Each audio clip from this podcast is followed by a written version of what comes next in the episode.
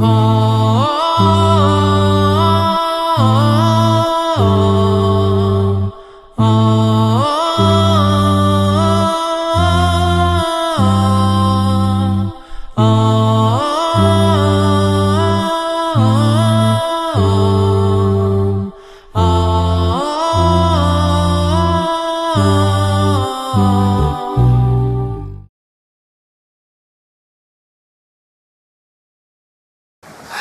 Alhamdulillah Rabbil Alamin wa salatu wa salamu ala Rasulillah.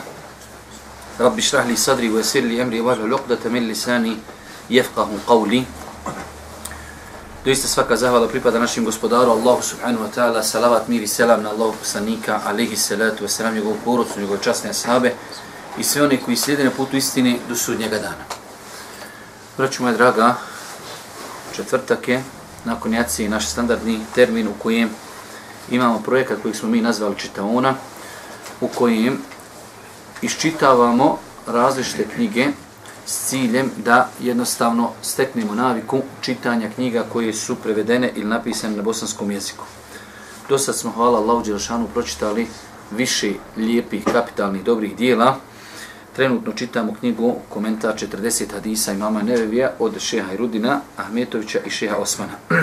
Večera se družimo sa 16. hadisom, Hadis koji, vjerujem, velik broj nas je čuo i vjerujem isto tako kao što smo ga čuli, isto tako vjerujem da je malo oni koji su se osvrnuli i koji su razmišljali o ovom hadisu, pa ćete vidjeti da je to jedan izuzetno kratak hadis, a možda gledajući s aspekta komentara, jedan od dužih hadisa s komentarom u ovi, znači 42 hadisa imama Nevevija.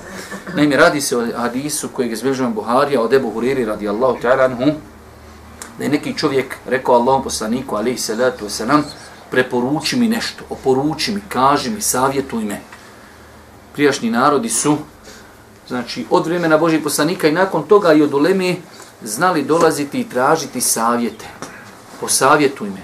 Pa je došao nepoznat čovjek Božim poslaniku, alaihi salatu wasalam, odnosno nije precizirano, ali postoji nagađanja ko je taj čovjek, Pa kaže Allah poslaniče, preporuči mi nešto, oporuči mi, kaži mi, savjetuj me. Pa kaže Allah poslanik alaihi salatu wasalam, ne srdi se. La tagdab. Nemoj se ljutit, ne srdi se. Nemoj se srdit i nemoj činiti ništa što će tebe odvesti u srđbu. Jer kad kažemo čovjeku ne srdi se, prvo čovjek je se naljutio, pa mu kažemo nemoj se srta, isto tako ne srdi se, nemoj činiti ništa što će te odvesti do srđbi. Kaže Feraddede miraran. Pa je ovaj ponavljao, dobro, dao si mi sad jedan savjet, daj mi još nešto. Allah poslani kaže, ne srdi se. Dobro, ne srdi se. Dalje, šta ćeš? Opet nemoj se srditi. Pa šta ću opet? Opet ne, nemoj se srditi. Znači, koliko god puta je čovjek ponovio pitanje, Allah poslanik alaihi salatu wasalam je odgovorio, isti odgovor.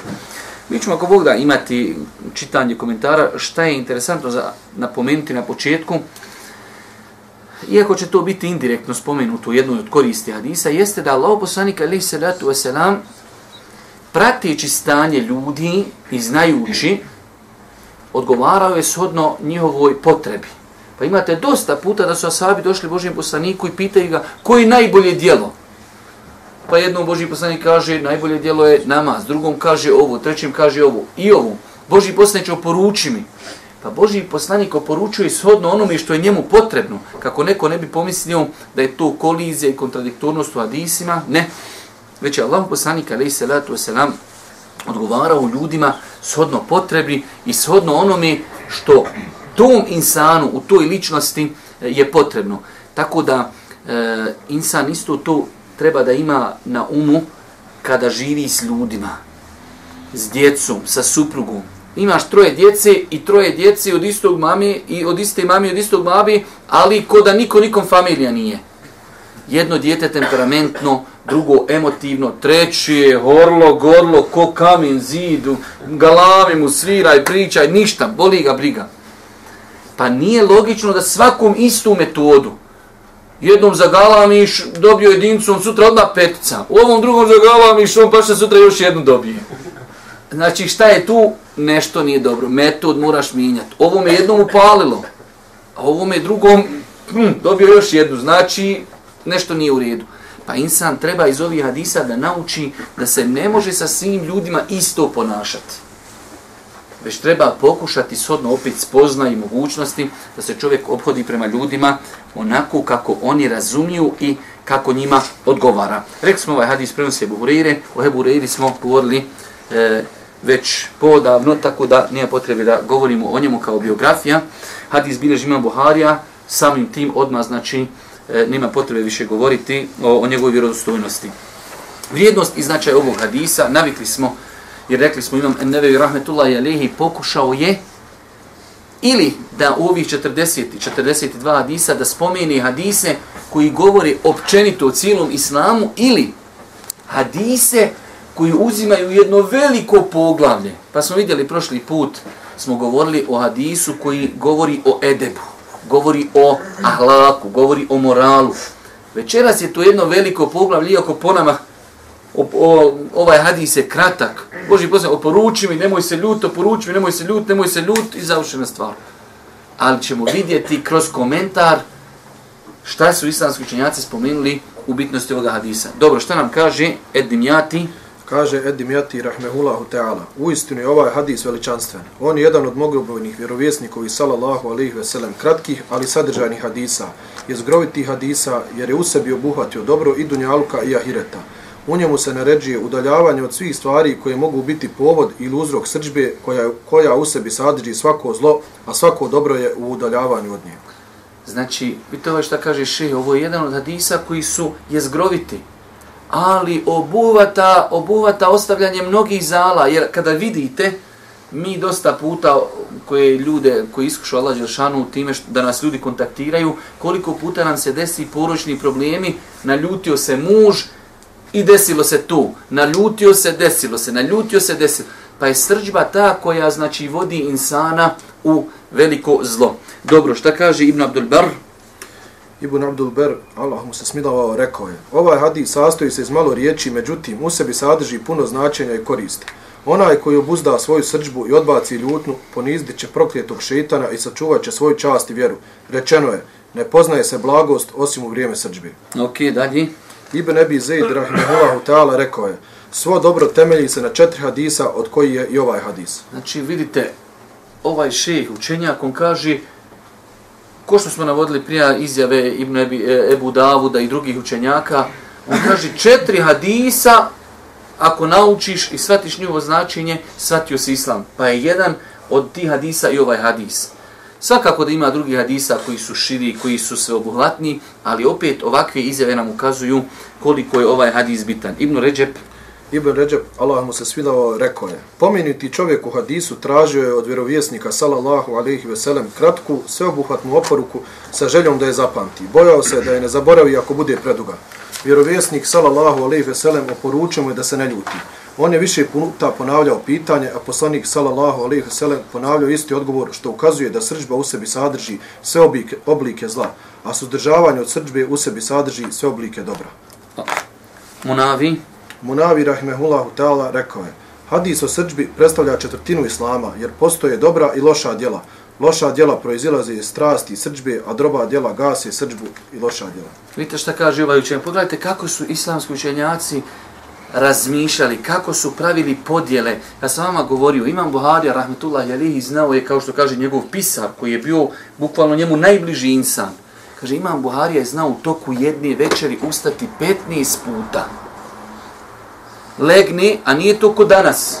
Ko danas ustaneš, ostaviš kom, kompjuter tamo na onaj stand-by, ustaneš, samo klikneš ono opa, upiši u Wordu i save i završena. Ne, u to vrijeme ustaneš, probudiš se, kamen lupaš 15 minuta dok varnica izleti, pa zapališ, pa potpališ, skidaj pero, pa mastilo, pa zapiši, ostavi i tako dalje. Kažu, u toku jedne večeri ustaju je i budio se 15 puta da zapiše neku korist koja mu je nampala iz nekog hadisa. I zato i danas dan imate, samo nemojte, molim, ovaj brat nam je ostao ovdje dole da sjedi na nezgodnoj poziciji. Gdje, brate, malo se ti pomakni? I danas dan imate određenih poglavlja kod imama Buhari, jer imam Buharija, kažu islamski učenjaci, njegov fik, njegovo znanje se vidi u naslovima njegovog sahiha. Zato kad budete čitali Sahih Buhari, obavezno čitajte naslove, poglavlja. I danas dan imate neka poglavlja koja određeni učenjaci još nisu dešifrovali. Šta je Imam Buharija želio da, da kaže sa tim poglavljem? Nekada Imam Buharija spomene hadis i poglavlje, trebaš sjediti danima i satima da skontaš kakva je veza između tog hadisa i tog poglavlja. Dok kod imama muslima, jednostavno, u, u većini slučajeva hadisa, ako znaš, od prilike bi mogao znati u kojem će ga poglavlju ima muslim staviti. Jednostavno. Namaz govori u zekijatu, traži ga u zekijatu. Hadis govori o rodbinskoj vezi, traži ga u rodbinskoj vezi. Kod imama Buharije to nikako ne pali. Zbog jačine njegovog razuma, znači, i zato kažem, braću Medaga, pogledajte šta kaže imam Munavi, rahmetullahi alihi, hadis o srđbi predstavlja četvrtinu islama. Četvrtina, kako je on to došao do tog zaključka? Četvrtina islama. Jer postoji, kaže, dobra i loša djela. Ok. Znači, po polovi islam imamo dobra djela i loša djela. Loša djela, kaže, nastaju zbog dva sebeba. Ili zbog srđbi, ili zbog strasti. Pa zato on je, vidite kako on skonto. Ovaj, kaže, hadis liječi ovu jednu stranu. Liječi, šta? Ljutnju. Pa je on četvrtina islama. Jer je on podijelio, imamo, islam se dijeli na dobra djela i ostavljanje od loših. Loša djela ljudi čine iz jednog od dva razloga. Ili je to požuda, ili je to u srđbi. Pa kaže, ako nam ovaj hadis riješi ovo pitanje, nemoj se ljutit, riješili smo četvrtinu islama. Ali pogledajte kako je on to lijepo, kako je on to lijepo posložio. Ibn Hajar kaže... Ibn Hajar, rahmehullahu ta'ala, prenosi od pojedinih, pojedinih učenjaka da su rekli Razmišljao sam o vjerovjesnikovim sallallahu alaihi veselem riječima, pa sam zaključio da srđba postiče na svako zlo. Znači, razmišljao sam ovim riječima. Zašto je Boži poslanik toliko potencirao ovom čovjeku da se ne ljuti i kad sam razmislio o ljutnji i njenim tragovima, vidio sam da je ona, hajde da kažemo, izvor svakog zla. Dobro, tema hadisa, hajde kratko pročitaj. Hadis podstiče na udaljavanje od svega što izaziva srđbu ili ukoliko se ona već prouzrokuje na njeno maksimalno suzbijanje. Rekli smo, znači, kada je Boži poslanik kaže, la tagdab, nemoj se ljutiti. One obuhvataju dvije stvari. Obuhvataju preventivu, nemoj učiniti nešto zbog čega ćeš se ljutiti. Pa kad insan, svako od nas zna sebe, zna ako nešto uradim, naljutit ću se. Ka, u nekoj si grupi, tamo svi ljudi nešto komentarišu, tebe to ljuti. Paša, puf, izlazim iz grupe i zikriš, očuraš. Odiš tamo na grupu, ona je opsov, ona je vrijedi, ona je vrijeđa daje, ona je bimbaza, ona je ti se naljutiš, izićeš iz grupe, ali ovako hodaš zategnut. Čekaš sam dijete naiđe i uz, u glavu ga grumniš. Paša, tebi je fino, mobitel baciš kroz prozor i rahatlu po kući. Znači, ondje gdje ćeš se ljutit i ono što će proizvesti tvoju ljutu, to ne radi baš. I završen sam. Pa ovaj hadis, znači, liječi sve ono što vodi ljutnji, pod jedan. I ako već dođe do ljutnje, gotovo, već sam se sad naljutio, onda čovjek treba pokušati maksimalno da suzbije i da se, hajde kažemo, kontroliši. Pa je ovaj hadis, znači, kad se kaže leo togdab, nemoj se srditi, nemoj se ljutiti, obuhvata dva značenja. Sve što vodi ljutnji i ako već dođe do ljutnje, kako suzbiti ljutnju, vi ćemo ovdje su nam ovaj, naši autori, komentatori ovog hadisa stavili nekih desetak načina kako i na koji način čovjek može, ako već dođe do ljutnje, kako je može suzbijati. Većinu učenjaci u ovom hadisu govori e, o tome. Dobro, pojašnjenje riječi u hadisu. Neki čovjek. Jedni učenjaci kažu da je to bio Ebu Derda radi Allahu an, dok drugi kažu da je riječ o Džari ibn Kudami radi Allahu an. Ako Allah da, ispravno je to bio Ebu Derda. U svakom slučaju, nama nije bitno, u islamu se stvari ne vezuju za insana. Boži poslanik je nekom čovjeku rekao nemoj se ljutit i to je nama bitno. Ali eto, lijepo je da insan opet zna i ove stvari. Preporuči mi nešto. Preporuči mi nešto, to jest oporuči mi nešto kratko, ali sve obuhvatno. Da obuhvata u sebi mnogo dobro. Ne srdi se. Ne srdi se, to je skloni se svega što vodi ka srđbi, jer je srđba iskra koju šetan ubacio čovjekovo srce od koje on poslije, poslije ključa. Vidite kako, kako su nama sabi ostavili veliko blago nakon sebe, a koje je nastalo kao blud pitanja. Dolazi Asa, Boži poslanik, kaže, Allahu poslaniće. Kaže, propisi šerijata su, već islam se upotpunio. u Mekki 13 godina, u Mekki 10, pa je to mnogo, Kaže Allah poslaniče, to se meni, meni se toga nakupilo dosta. Daj ti meni neki savjet da se ja nečega držim. Normalno ovdje se ovi se hadisi svataju da čovjek mora imati one osnovne postulate. Daj ti, kaže, meni nešto da će mi sve to zamijeniti. Kaže Allah poslanik, nek ti jezik neprestano bude vlažan od zikru Allaha. Drugi kaže Allah poslaniče, daj mi nešto reci, što nakon tebe više nikad nikogo u islamu neću morat pitat. Daj, sad sam došao tebe, Allah me počestio da sam te ugledao, daj da te pitam, ti šta mi rekneš da ja sad idem i da više nikog ne moram pitat. Kaže, kul amentu billahi, thumme steqim, reci ja vjerujem u Allaha. Ali kad reknem vjerujem u Allaha, nije to kod nas, vjerujem u Allaha. Vjerujte, bez pretjerivanja, u datom momentu, mušici Mekije su imali mnogo veće razumijevanje šta znači reći ja vjerujem u Allaha, nego velik broj ljudi danas koji kažu za sebe da su muslimani. Kaže, reci ja vjerujem u Allaha, samim tim priznajem poslanike, samim tim shvatam da se trebam pokoriti i tako dalje, reci ja vjerujem u Allaha, a zatim na tom ustraj. I kaj ne trebaš više nikog ništa pitati o islamu. Vjerujem u Allaha, vjerujem u Kur'an, vjerujem da je on od Allaha, vjerujem da je Muhammed poslanik, vjerujem da je njegov sunnet izvor vjeri. I živi po tome. Dvije riječi. Kaj ne moraš nikog ništa pita. Završena stvar.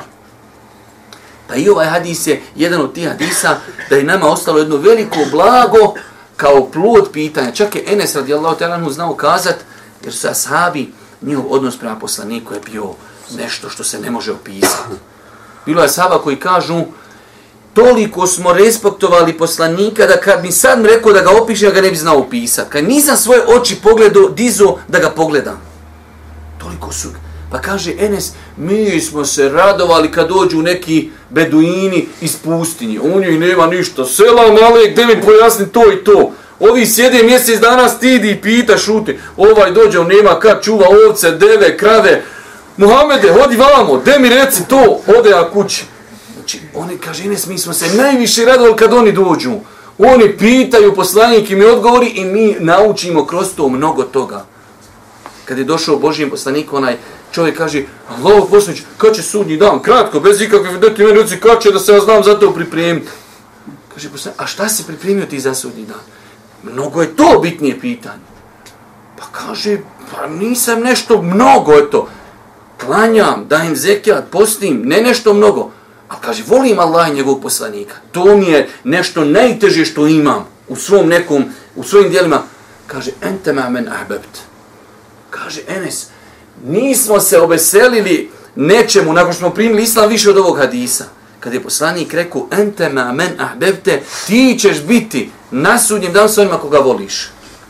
Pa kaže, Enes, ja volim, kaže poslanika, volim Ebu Bekra, volim Omera i nadam se da ću s njima biti na sudnjem danu zbog ljubavi prema njima, a ne kaže zato što sam uradio djela koji su oni uradili. Nemoguće. Ne možeš uraditi koji Ebu Bekra, to je nemoguće, zabetonirano. Ali kaže, ja volim Ebu Bekra, pa se zbog ovih riječi Božije poslanika, ente me men ahbebt, ti ćeš biti s onima koji voliš, nadam da ću ja sa njima biti na sudnjem danu. Pa je Islam ostavljeno jedno veliko blago koje je nastalo kao plod šta? Pitanja koje su ljudi postavljali Božijem poslaniku, alaihi salatu wasalam. Hajde kratki komentar, da to pročitamo kratko. Komentar hadisa. Jedan od drugova Allahovog poslanika, salallahu ve veselem, zatražio od vjerovjesnika, salallahu ve veselem, da mu uputi kratak, ali sveobuhatan savjet koji u sebi sadrži svako dobro, kako bi se pridržavao tog savjeta i postupao po njemu u svom životu. Poslanik sallallahu alejhi ve sellem je tri puta poručio da se kloni srdžbe. Ove riječi poslanika sallallahu alejhi ve sellem upućuju na to da najviše zla potječe iz srđbe, što jeste tako, pa ubijstva, tuče, ružan govor, psovka, potvora, pocenjivanje, ilo malovažavanje drugih i slično, sve to proizilazi iz srđbe. Tako da udaljavanje od srđbe jedna je od najbitnijih stvari u životu muslimana kako bi se uz Allahovu pomoć sačuvao zla koje potiče iz srđbe. Tako je riječima ne srdi se. Allahu poslanik sallallahu alejhi ve sellem objedinio dobro dunjaluka i ahireta, jer srđba vodi u mnogobojne štete i zla, dunjalučki je prija ahiretski. Pa ako se sačuvamo srđbe, onda ćemo sigurno postići dobro i dunjaluka i ahireta. Znači vidite ovaj hadis, ovi naši autori su nam kratko rezumirali, jedan čovjek dolazi Božijem poslaniku, daj mi savjet, daj mi nešto kratko što ću ja zapamti, po čemu ću živjeti, da se okoristim i na dunjalku i na ahiretu. Pa Allah poslani kaže, la tagdab, nemoj se ljutiti, ukroti svoju srđbu, nemoj činiti ono što će voditi ka srđbi, ako to uspiješ uraditi, sačuvao si se mnogo, mnogo zla koje može proizići u momentu kada je čovjek ljut. Pazite, e, vjerujem da velik vas broj svako na sebi zna, a iz priča drugih ljudi šta sve može proizići iz ljutnje. Pa insan, znači, ako se ukroti, prvo pazi da ne ide i da ne čini nešto što će ga ljutit pod jedan, a nakon toga ako se ide si ljutnja, da pazi. Pa samo uzmite govor. Čovjek izgovori riječ i poslije, kaj se ti, nisam trebao, gotovo je. Prvo što su i meleki zapisali dosta puta dunjalučke, po, dunjalučke, hajde da kažemo, štete i ono što je proizilazi iz toga, moraš trpiti i snositi. Pa zato insan znači treba maksimalno se potrudi u životu da se e, strpi i da ne dozvoli da srđba ovlada njime. Dobro, poruke hadisa. Pod jedan. Prije svega, srđba je jedno od svojstava uzvišenog Allaha, onako kako samo njemu dolikuje i razlikuje se od srđbe stvorenja. Ova osobina spominje se u Kur'anu kao što Allah kaže. O vjernici, ne uzmajte za svoje prisne prijatelje narod na koji se Allah rasrdio. Ovo je jedna dodatna korist akidecka, da čovjek čisto zna da vjeruje, sastavni dio našeg vjerovanja jeste da se uzvišeni Allah srdi i ljuti. Ali uvijek smo, znači mi kad god govorimo o svojstvima uzvišenog Allaha Đelešanuhu, e, govorimo da su svojstva uzvišenog Allaha Đelešanuhu e, apsolutno potpuna, savršena. Pa ljutnja uzvišenog Allaha Đelešanuhu nije kao ljutnja njegovih stvorenja. Mi u ljutnji prekršit ćemo granice. Ti kad dođeš ljuci, pa prema rođenoj majici, prema rođenom djetetu, prema rođen... Znači čovjek prijeđe granice. Dok ljutnja uzvišenog Allah subhanahu wa ta'ala onako kako njemu doliči. Uzvišen Allah subhanahu wa ta'ala neće nikome učiniti zulum i nepravdu. Broj dva. Hadis je primjer poslaničkog jezgrovitog govora. Sastoji se iz malo riječi, a u sebi nosi mnoga značenja. Mi smo više puta, kad smo počeli komentar sa tu knjigu, spomenuli da je Allah poslanik kazuje u doslovnom hadisu, dato mi je pet stvari, dato mi je pet stvari, nisu date nikome prije, prije mene. Jedna od tih stvari, u'titu džavami al kelim. Data mi je zgrovitost u govoru. Allah poslanik kaže, imate, znate koliko ima hadisa? Da poslanik rekne dvije riječi. O tome učenjaci danas tomove pišu. I ne danas, kroz historiju. Allah, Allah poslanik kaže, taj će inša hadis doći posle, la darara vola dirara. Nema štete, niti nanošenja štete. Ovaj hadis pogled, nema štete, ni tanošnje šteti. Taj hadis je toliko širok, ulazi i u toliko poglavlja ljudskog života, u toliko poglavlja fikha, u toliko poglavlja onoga što je nama svakodnevno potrebno. Nema štete u islamu, niti nanošenja šteti. Ne možeš nanositi sebi štetu, niti možeš nanositi drugom štetu. Kada bi vidjeli koliko mi dnevno živimo po ovom hadisu, a samo dvije riječi, nima štete, niti nanošenje šteti. La dorara, wala dirara. I mnogi drugi hadisi. Pa je Allah poslanik, alaih salatu wasalam, e, imao jednu odliku, da ga je Allah Žešanu odlikovao, da je govorio jezgrovitim govorom. Kao što je Kur'an, normalno još savršenije, jezgrovit govor, pazite, na šestotina i četiri stranice, imate jedan pravilnik po kojem se treba ponašati cijela planeta. Danas odeš pa krivično pravo, pa ono pravo, pa ovako, pa onako, pa tomovi knjiga, pa ovako, pa onako. Kur'an, 604 stranice. Ti bjanen li kulli šej, kaže Allah Žešanu, objavili smo ti knjigu koja je pojašnjenje za sve. Zato u Kur'anu imate jednu, jednu stvar, kada vam neko skaže, vidjeli ste, govori se o nečemu, kaže, to je spomenuto u Kur'anu. Stvara koja je samo jednom spomenuta na tih 604 stranice jednom, to ne ukazuje to nešto bitno. U Kur'anu nema ništa nebitno. Svaki veznik je bitan. A zamislite onda kad u ti 604 stranice imate određene stvari koje su spomenute stotinu puta. Koliko je onda to bitna stvar? Koliko je to bitna stvar? Pa znači, kuranski govor, govor uzvišenog Allah subhanahu wa ta'ala je sažet, rezimiran. Wala taqrabu zina. Nemojte se približavati bludu. To o tome možeš pričati koliko hoćeš. Danas ljudi kad bi živjeli samo po tome, nemojte se približavati bludu. Wa lakum fil حَيَاتٌ.